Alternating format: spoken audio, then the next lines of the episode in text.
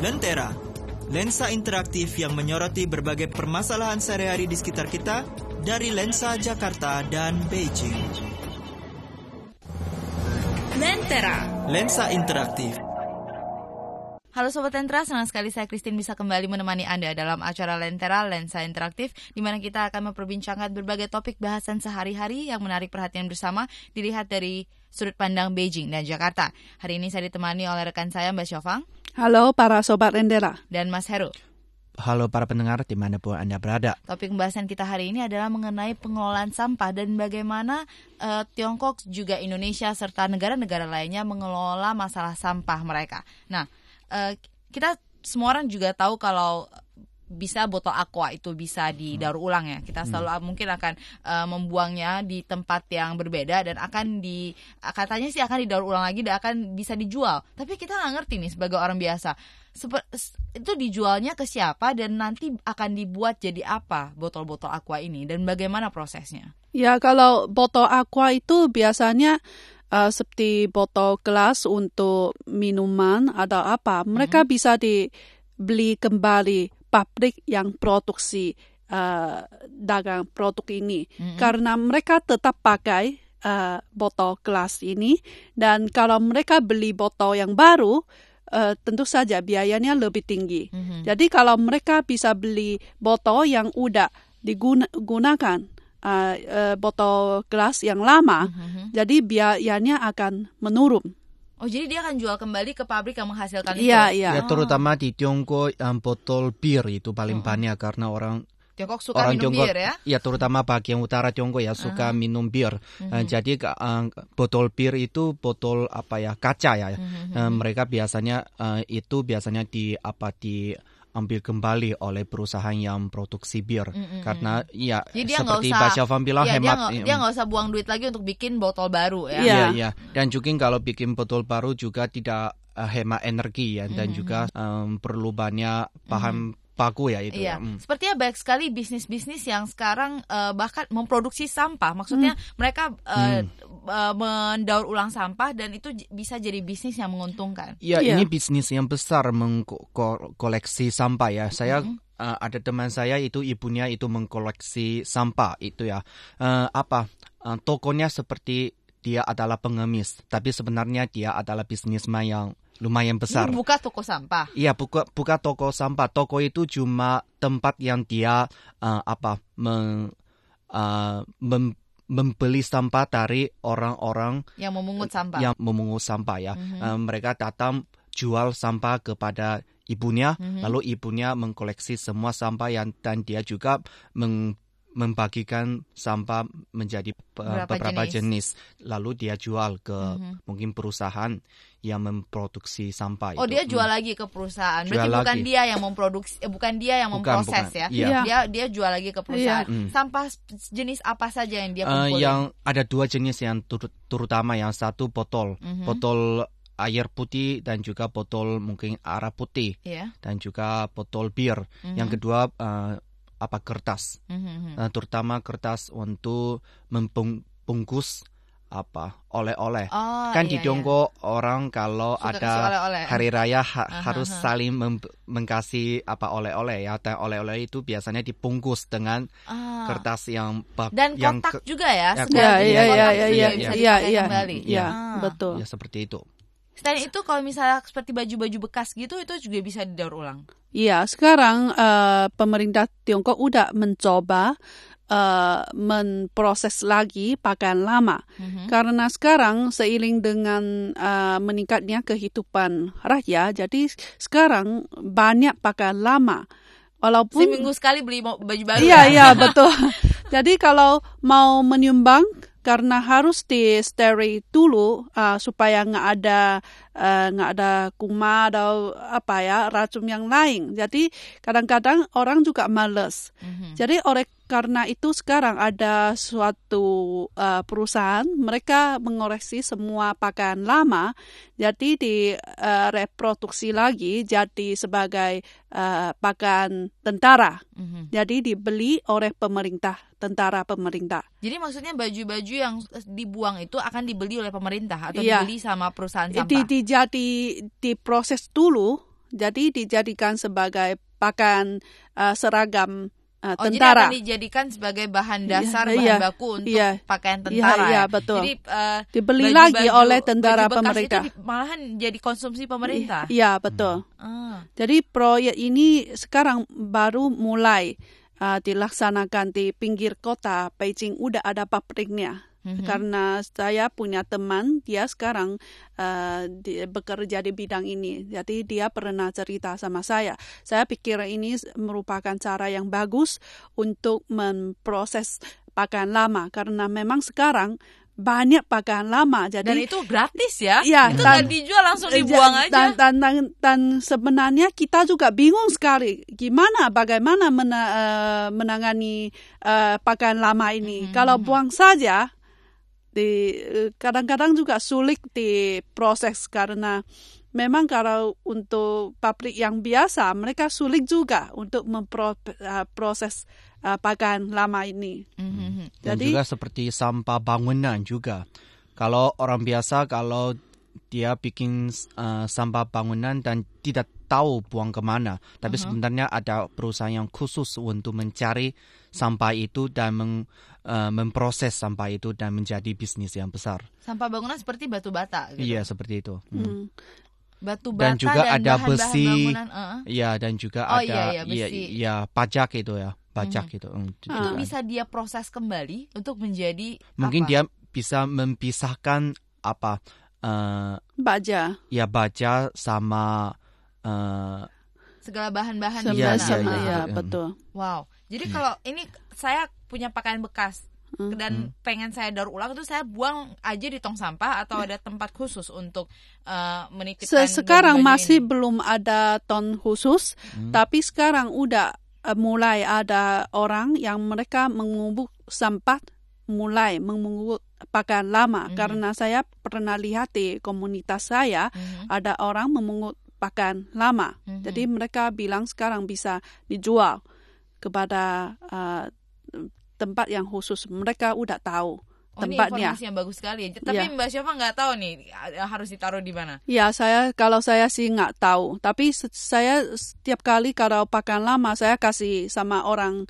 yang di komunitas saya gratis aja. Ya, ya, ya Jadi gratis. nanti dia yang jualin gitu. Iya iya. Kalau dia silakan saja.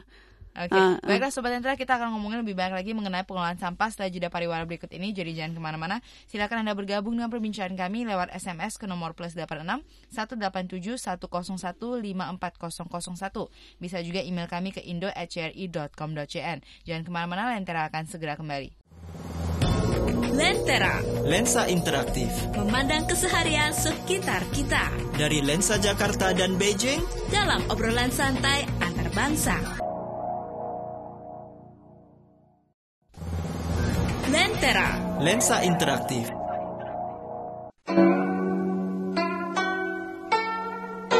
Mengenal peribahasa Tiongkok, mengenal budaya Tionghoa. Chengyu Gushi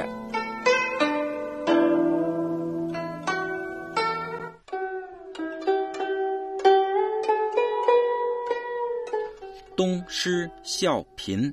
Dong Shi mengernyitkan alis meniru secara membabi buta akan merugikan. Kisah ada seorang wanita bernama Tung Shi yang sangat jelek wajahnya. Namun, ia selalu ingin meniru Xi Shi yang terkenal kecantikannya. Apa pun yang dilakukan Xi Shi selalu diikutinya. Suatu hari, Xi Shi sakit perut. Ia memegangi perutnya dan mengernyitkan alisnya dengan begitu anggun. Saat itu Tung Shi melihatnya dan langsung menirukannya tambah ia sadari hal itu justru menampakkan kejelekannya dan membuat orang-orang yang melihatnya bertambah geli.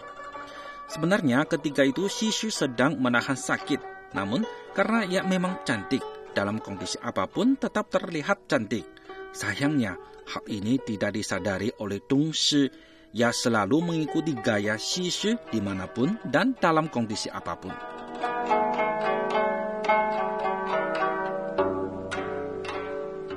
Terima kasih masih bersama dengan saya Christine dan juga dua rekan saya Mbak Syafan dan Mas Heru. Nah, kembali lagi ke topik pembicaraan kita, bagaimana dengan kesuksesan negara-negara lain yang berhasil mengelola dan menghemat banyak sekali dalam urusan sampah. Uh, saya mau ambil contoh dari Jepang uh -huh. karena waktu saya belajar di UI uh -huh. waktu itu ada teman saya dari dari Jepang uh -huh. dan waktu dia berpidato tentang bagaimana orang Jepang membuang sampah itu hal itu pidato yang sangat menghebohkan itu ya wow. dan iya saya sangat terkejut pak kenapa uh, saya merasa mungkin kehidupan orang Jepang sangat sulit karena terutama mereka membuang sampah itu sangat sulit.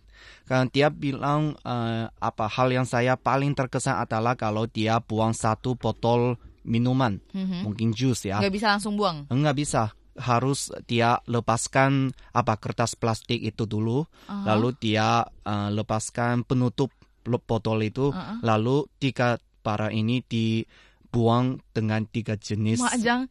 Uh, apa sampah Jadi itu. ada berapa hmm. tong sampah di Jepang? Kalau misalnya dia, dia, juga, dia buangnya aja harus hmm, beda. Dan dia juga ambil contoh dari apa uh, kue kue bu, bulan. Uh-huh. Karena pa, uh, apa pas apa uh, waktu itu festival uh. itu ya. Dan dia bilang kalau orang Jepang dapat kue bulan itu juga uh, pusing karena dalam kotak itu cuma mungkin cuma enam kue uh, kue bulan ya, uh -huh. tapi dia harus membagikan mungkin menjadi enam jenis sampah, sampah itu.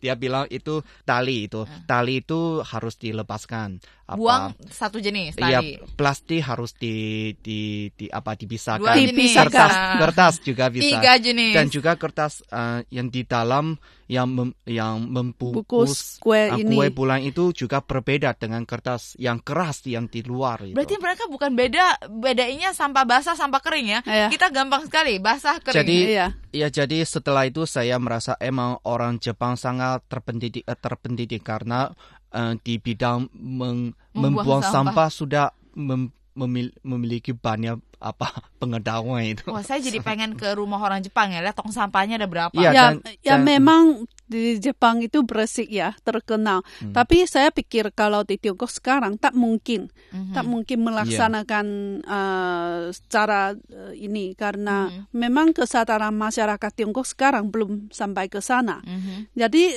hanya uh, dibagikan dua macam uh, sampah yang bisa digunakan kembali, sampah yang yang dibuang saja. Itu pun orang masih bingung ya. Iya, masih bingung. Jadi mana mungkin bisa membagikan sampah sampai rincian seperti ini? Tak mungkin. Jadi uh, tapi tetap harus uh, memuji cara Jepang ini dan tetap harus memasyarakatkan kesadaran uh, iya. membagikan sampah kepada Kira-kira semua orang. tahun yang diperlukan Jepang untuk hmm. sampai mendidik seluruh Jepang bisa mengerti Dan, membuang sampah dengan cara ekstrim begitu. Iya. Hmm. Jadi oleh karena itu sekarang sangat penting mulai uh, taman-taman kana sampai uh, ST hmm. uh, di sekolah uh, murid dididik uh, supaya mereka tahu bagaimana membagikan sampah hmm. dan bagaimana uh, buang sampah.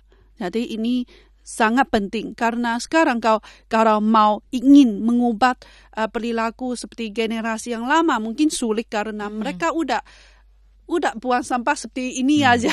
Jadi mungkin sulit sekali mengubah uh, perilaku mereka. Yang penting itu uh, sekarang anak-anak uh, dididik supaya mereka ya, tahu. Ya, karena kalau udah iya. kebiasaan yeah. dari kecil yeah. juga gedenya udah nggak mungkin yeah. asal buang sampah yeah. ya. Dan yeah. menurut saya selain mengeluarkan dana untuk meningkatkan promosi atau mm -hmm. pendidikan ya, yang di pihak lain perusahaan juga bisa mengeluarkan atau memberikan subsidi kepada perusahaan-perusahaan yang tertentu yang mm-hmm. bisa mengkoleksi sampah yang tertentu seperti Pak Syafan bilang ada perusahaan yang mereka mengkoleksi uh, pakaian uh, lama ya. Uh-uh.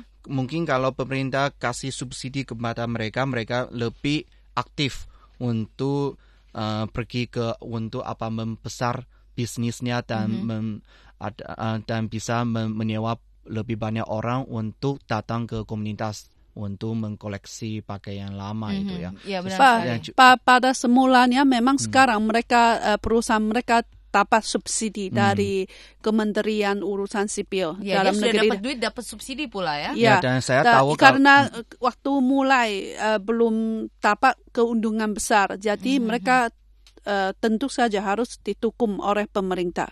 Dan setahu saya kalau koleksi baterai, mm-hmm. apa perusahaan yang tertentu di di apa mereka mendapat subsidi banyak dari pemerintah. Karena kan kamu bisa apa terasa di mana-mana ada tempat yang mengkoleksi atau uh, baterai ya. Iya, iya. Ya itu karena pemerintah emang mereka tahu itu baterai kalau dibuang sembarangan itu sangat hal yang tidak bagus dan mm -hmm. beracun itu. Jadi pemerintah itu uh, sangat mendukung uh, perusahaan untuk mengkoleksi apa, baterai, baterai lama ya. Lama, ya. ya. jadi hmm. memang berarti pemerintah sudah ada uh, banyak upaya untuk mengelola hmm. masalah sampah hmm. ini, tapi belum ya belum se se ekstrim di Jepang lah ya sampai yeah, harus yeah. dibagi seperti hmm. itu.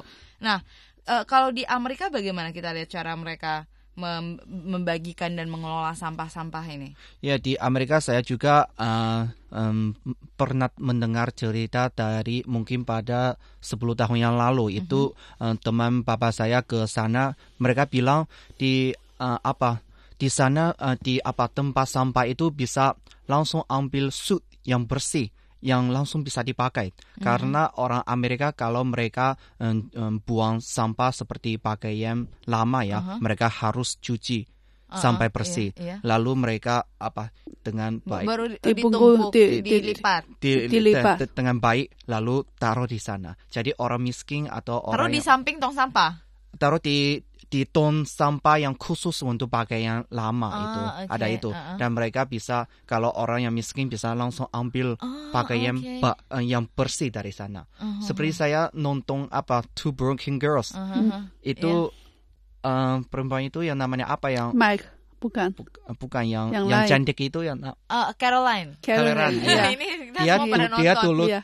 dulu kan kaya kalau uh -uh. dia miskin dia kan pernah sam sampai ke apa yang yang tom untuk taruh pakaian lama itu uh, dia untuk cari pakaian iya, di sana. untuk cari pakaian oh jadi ya. mereka nggak perlu lagi sukarelawan yang untuk untuk ambil pakaian itu ya jadi yeah. orang miskin atau orang yang jadi kurang promosi mampu bisa dan pendidikan ambil. itu sangat penting itu mm -hmm. jadi semua orang bersadar uh, apa itu sampah itu bagaimana apa mem membuang itu cara membuang sampah itu paling penting ini itu. masalah hmm. mereka membagikan jenis sampah kalau di Amerika apa sudah bagus pem, pelaksanaannya ya bagus sekali juga hmm mungkin juga lewat pendidikan yang ini ya, ya yang lebih intensif yang mereka ini semua harus uh, mulai uh, apa ya sejak anak udah mulai mm -hmm. dididik supaya mereka udah ada uh, kebiasaan mm. kesadaran uh, untuk membagikan sampah mm -hmm. seperti uh, kalau generasi yang uh, seperti bapak mama saya mereka mungkin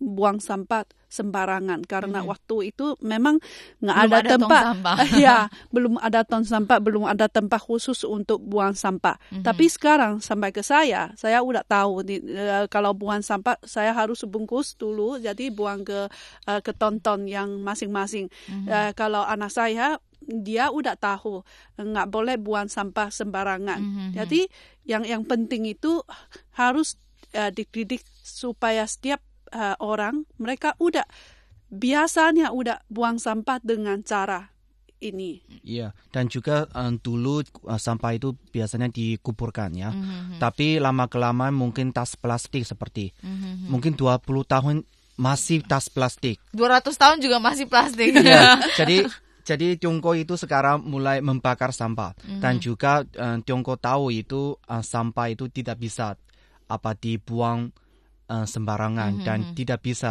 uh, dan harus membagikan jenis itu dan mm -hmm. juga uh, di pihak lain Tiongkok juga uh, sangat uh, apa mempromosi tidak pakai tas plastik yeah. dan itu cara hidup yang ramah lingkungan. Mm-hmm. Seperti sekarang kita ke supermarket kalau kamu mau uh, apa itu tas plastik harus beli ya. Mm-hmm. Dulu dikasih gratis itu. Mm-hmm. Mm. Itu itu harusnya dinaikin lagi ya mm. uh, harganya kalau menurut saya karena masih terlalu murah. Coba kalau lima kuai satu plastik. Iya. dan apa apalagi karena Tiongkok juga termasuk uh, negara yang kekurangan sumber daya mm-hmm. Kar- yeah. karena dibandingkan dengan populasi yang begitu besar. Mm-hmm. Jadi bagaimana memanfaatkan uh, sampah bahan yang bisa digunakan kembali sebenarnya mm-hmm. sangat penting bagi pembangunan modern uh, Tiongkok okay. uh, pada masa depan. Baiklah Sobat Tentra, kita akan ngomongin lebih banyak lagi mengenai pengelolaan sampah pada segmen berikutnya. Silakan Anda bergabung dengan perbincangan kami lewat SMS di nomor plus 86 187 101 54001. Anda juga bisa berbagi pandangan dan komentar Anda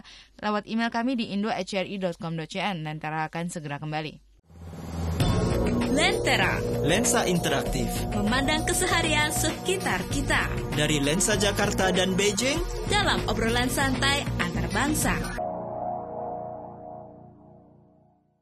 Terima kasih masih bersama dengan saya Christine dan juga rekan saya Mas Heru dan Mbak Xiaofang. Masih dalam topik kita hari ini yaitu mengenai pengelolaan sampah sampah itu jangan dianggap enteng ya karena kalau hmm. uh, sampah seperti dibuang sembarangan atau tidak dipedulikan itu juga bisa mendatangkan ancaman bahaya. Hmm. Ya, karena bisa uh, polusi lagi hmm. ya, bukan hanya polusi udara saja tapi juga polusi air, hmm. uh, sumber air, polusi itu uh, tanah, tanah hmm. uh, tanah garapan ya, nanti hmm. memproduksi uh, banyak uh, beras uh, padi. Ya, kita makan dari ya. tanah juga. Iya, betul. Nah, seperti di Jakarta hmm. itu juga banjirnya ba ke sebagian besar disebabkan karena sungai-sungai tersumbat oleh hmm. karena sampah. Hmm. Ya. Yeah. Um.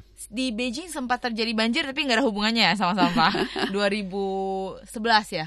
Kalau apa 2012 lalu pas bulan Juni. 2011 uh, ya. Uh, tapi itu itu bukan karena sampah ya. Ya, karena kalau kota Beijing sekarang mm -hmm. di bidang memungut uh, sampah udah udah cukup bagus kalau dibandingkan masa dulu. Mm-hmm. Tapi kalau dibanding dengan negara negara maju seperti Jepang, ada Amerika, ada Eropa masih banyak uh, kekurangan mm-hmm. karena sekarang uh, di jarang-jarang mungkin udah bisa kelihatan kebersihannya ya. Mm-hmm. Tapi kalau ke sutup-sutup di komunitas tetap banyak kekacauan atau kotoran di di uh, agak kotor di tempat yang buang sampah. Oh ya, satu lagi masalah di kota besar ya, mungkin di hmm. di Beijing di Shanghai hmm. adalah masalah kotoran uh, binatang, binatang nah, iya. kesayangan. Nah iya. itu itu sudah bagaimana ada peraturan yang ada peraturan khusus untuk mm-hmm. apa menangani hal ini dan juga uh, saya saya saya sering apa uh, kalau berjalan-jalan di dalam komunitas saya ya mm-hmm. ada orang yang uh, apa anjing apa membawa anjing keluar ya. Yeah. Kalau anjing membuang kotoran mereka pasti ambil itu dengan kertas itu. Mm-hmm. Karena mungkin karena ada peraturan yang tertentu tapi saya tidak tahu karena saya tidak memelihara iya, anjing iya, itu. Ya. Karena memang semakin banyak warga Tiongkok yang punya binatang piaraan. Iya, iya. Dan biasa sore-sore atau pagi-pagi mm. kita selalu sering melihat uh, anjing-anjing piaraan ataupun binatang piaraan itu dibawa jalan-jalan. Dan Tiongkok mm. juga ada perat sekarang uh, semakin mementingkan peraturan untuk mengelolaan uh, masalah sampah seperti mm-hmm. uh, yang terutama orang yang uh, buang sampah dengan sembarangan akan kena denda. Mm-hmm. Tapi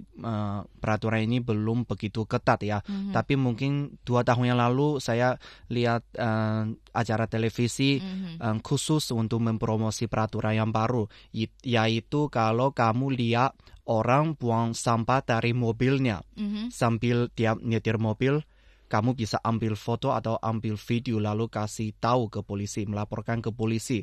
Lalu kamu bisa dapat uang itu uh, ya, dan orang hadiah, itu ya? uh, hadiah dan uh, orang itu akan kena denda dengan mungkin 100 yuan atau 200 yuan. Aduh, saya ingin hmm. sekali hmm. uh, peraturan seperti ini diterapkan di Indonesia. Karena masa Indonesia juga ini nih, uh, Pak abis makan kacang di mobil langsung yeah. dibuang Buang keluar dan ya, karena pemerintah jendelanya. pusat Tiongkok uh, mereka sudah terasa itu ka, karena semakin lebarnya jalan, mm -hmm. semakin cepat mobilnya, kalau buang sampah dari mobil itu sangat bahaya. Uh-uh. Kalau um, mobil di belakang kena sampah itu mungkin sangat bahaya itu. Oh bisa hmm. ketutup ya? Iya, ya, iya, terutama ya, di jalan tol itu. Iya. Tapi saya pikir uh, fenomena ini tetap ada ya, hmm. karena karena kadang-kadang masih bisa lihat. Tapi kalau hmm. dibandingkan dulu, sekarang udah udah cukup baik kalau yeah. menurut hmm. saya karena hmm. dulu memang jalan tol mungkin bisa dijadikan sebagai tempat yang buang sampah tapi sekarang uh, coba lihat jalan tol uh, masih lumayan bersih ya hmm. mungkin karena di satu bidang kesadaran masyarakat udah tahu hmm. uh, nggak boleh uh, buang sampah uh, dari mobil waktu menitir hmm. dan di bidang yang lain mungkin juga yang pihak yang pengelola mereka uh, sering juga membersihkan jalan tol. Mm -hmm. Jadi di sini juga ada dua macam seperti tadi saya bilang yang pertama meningkatkan kesadaran masyarakat akan uh, sampah mm-hmm. dan di bidang yang lain sekarang di proses di tahap ini belum bisa sampai ke ke tingkat seperti Jepang atau negara yang lain negara yang maju jadi uh, bagaimana sekarang bisa lebih baik memproses sampah mungkin uh, bisa dengan cara yang lebih profesional seperti mm-hmm. kalau ada pabrik khusus untuk mm-hmm. memproses uh, bateri uh, ada pabrik yang khusus untuk uh, memproses bagan lama tapi Dia dibagikan berdasarkan kategorinya iya, masing-masing ya, ya. ya. Jadi di eh, kalau dengan cara ini mungkin gampang untuk diawasi supaya mm-hmm. jangan uh, terjadi polusi lagi mm-hmm. dan di bidang yang lain uh, mungkin nanti juga bisa dijadikan sebagai uh, industri yang bisa apa ya uh, terbarukan karena mm-hmm. ini juga uh, bermanfaat untuk uh, apa ya uh, penggunaan uh, ramah ingku, uh, lingkungan karena juga bisa hemat energi. Hmm. Ya. Saya juga kaget sekali pas hmm. saya tahu salah satu orang terkaya di Tiongkok itu adalah pengusaha sampah. Iya. Ya, saya juga bingung nah bagaimana dia itu bisa mendapatkan duit dari sampah gitu kan padahal hmm. yang sesuatu hal yang udah kita buang saja. Ternyata hmm. bisa dia olah menjadi satu industri besar yang menguntungkan. Iya, hmm. seperti tadi Heru bilang karena banyak uh, seperti banyak ya alat-alat uh, uh, elektronik -hmm. di hmm, hmm. rumah karena sekarang uh, uh, apa ya iptek itu uh, berkembang pesat. Mm -hmm. Jadi uh, kita sering ganti-ganti saja yeah. seperti uh, banyak seperti ponsel, seperti apa ya yang banyak alat yang elektronik yang bisa digunakan di rumah. Orang paling miskin sekalipun pasti punya TV lah ya, yeah, yeah. sama kulkas. Ya, jadi kalau TV yang lama, kulkas yang lama Uh, kalau bagi orang sendirian mungkin sulit uh, untuk dibuang mm -hmm. karena begitu besar ya. Mm -hmm. Jadi kalau seperti saya uh, buang saja. Kalau ada ada orang mereka yang yang suka rela untuk mengantar barang ini, saya udah dengan senang hati. senang sekali. Iya, iya. Tapi Jadi sebenarnya dalam mungkin televisi atau komputer di dalamnya mungkin ada barang yang bisa dijual. Banyak sekali saya yeah. rasa banyak yeah. sekali. Cuman karena kita nggak ngerti dan yeah. kita bukan di bidang yeah. ini kan. Yeah. Contohnya kita nggak di bidang sampah, mana kita ngerti ternyata sampah bisa menghasilkan Ta duit. Tapi cuma untuk memproses uh, bah uh, bahan ini mm. uh, perlu yang lebih profesional karena mm -hmm. uh, belakangan ini di Tiongkok juga terjadi di sebuah uh, kabupaten di sana semua uh, pabrik pabrik keluarga mereka untuk uh, mengambil bahan-bahan dari uh, alat-alat elektronik. Mm -hmm. Tapi karena itu banyak orang kena uh, kanker uh -uh. karena di sana nggak ada uh, apa ya nggak ada tindakan untuk uh, menangani soal polusi mm-hmm. uh, waktu proses barang-barang ini. Oh jadi banyak racun yang dihasilkan pada yeah. saat mereka memproses kembali iya. bahan-bahan yeah. yang hmm. diambil yeah. dari alat mereka elektronik itu ya? Ya mereka hanya ambil uh, bahan-bahan yang bisa guna aja, mm-hmm. tapi yang lain mereka buang saja. Mm-hmm. Jadi ini juga terjadi polusi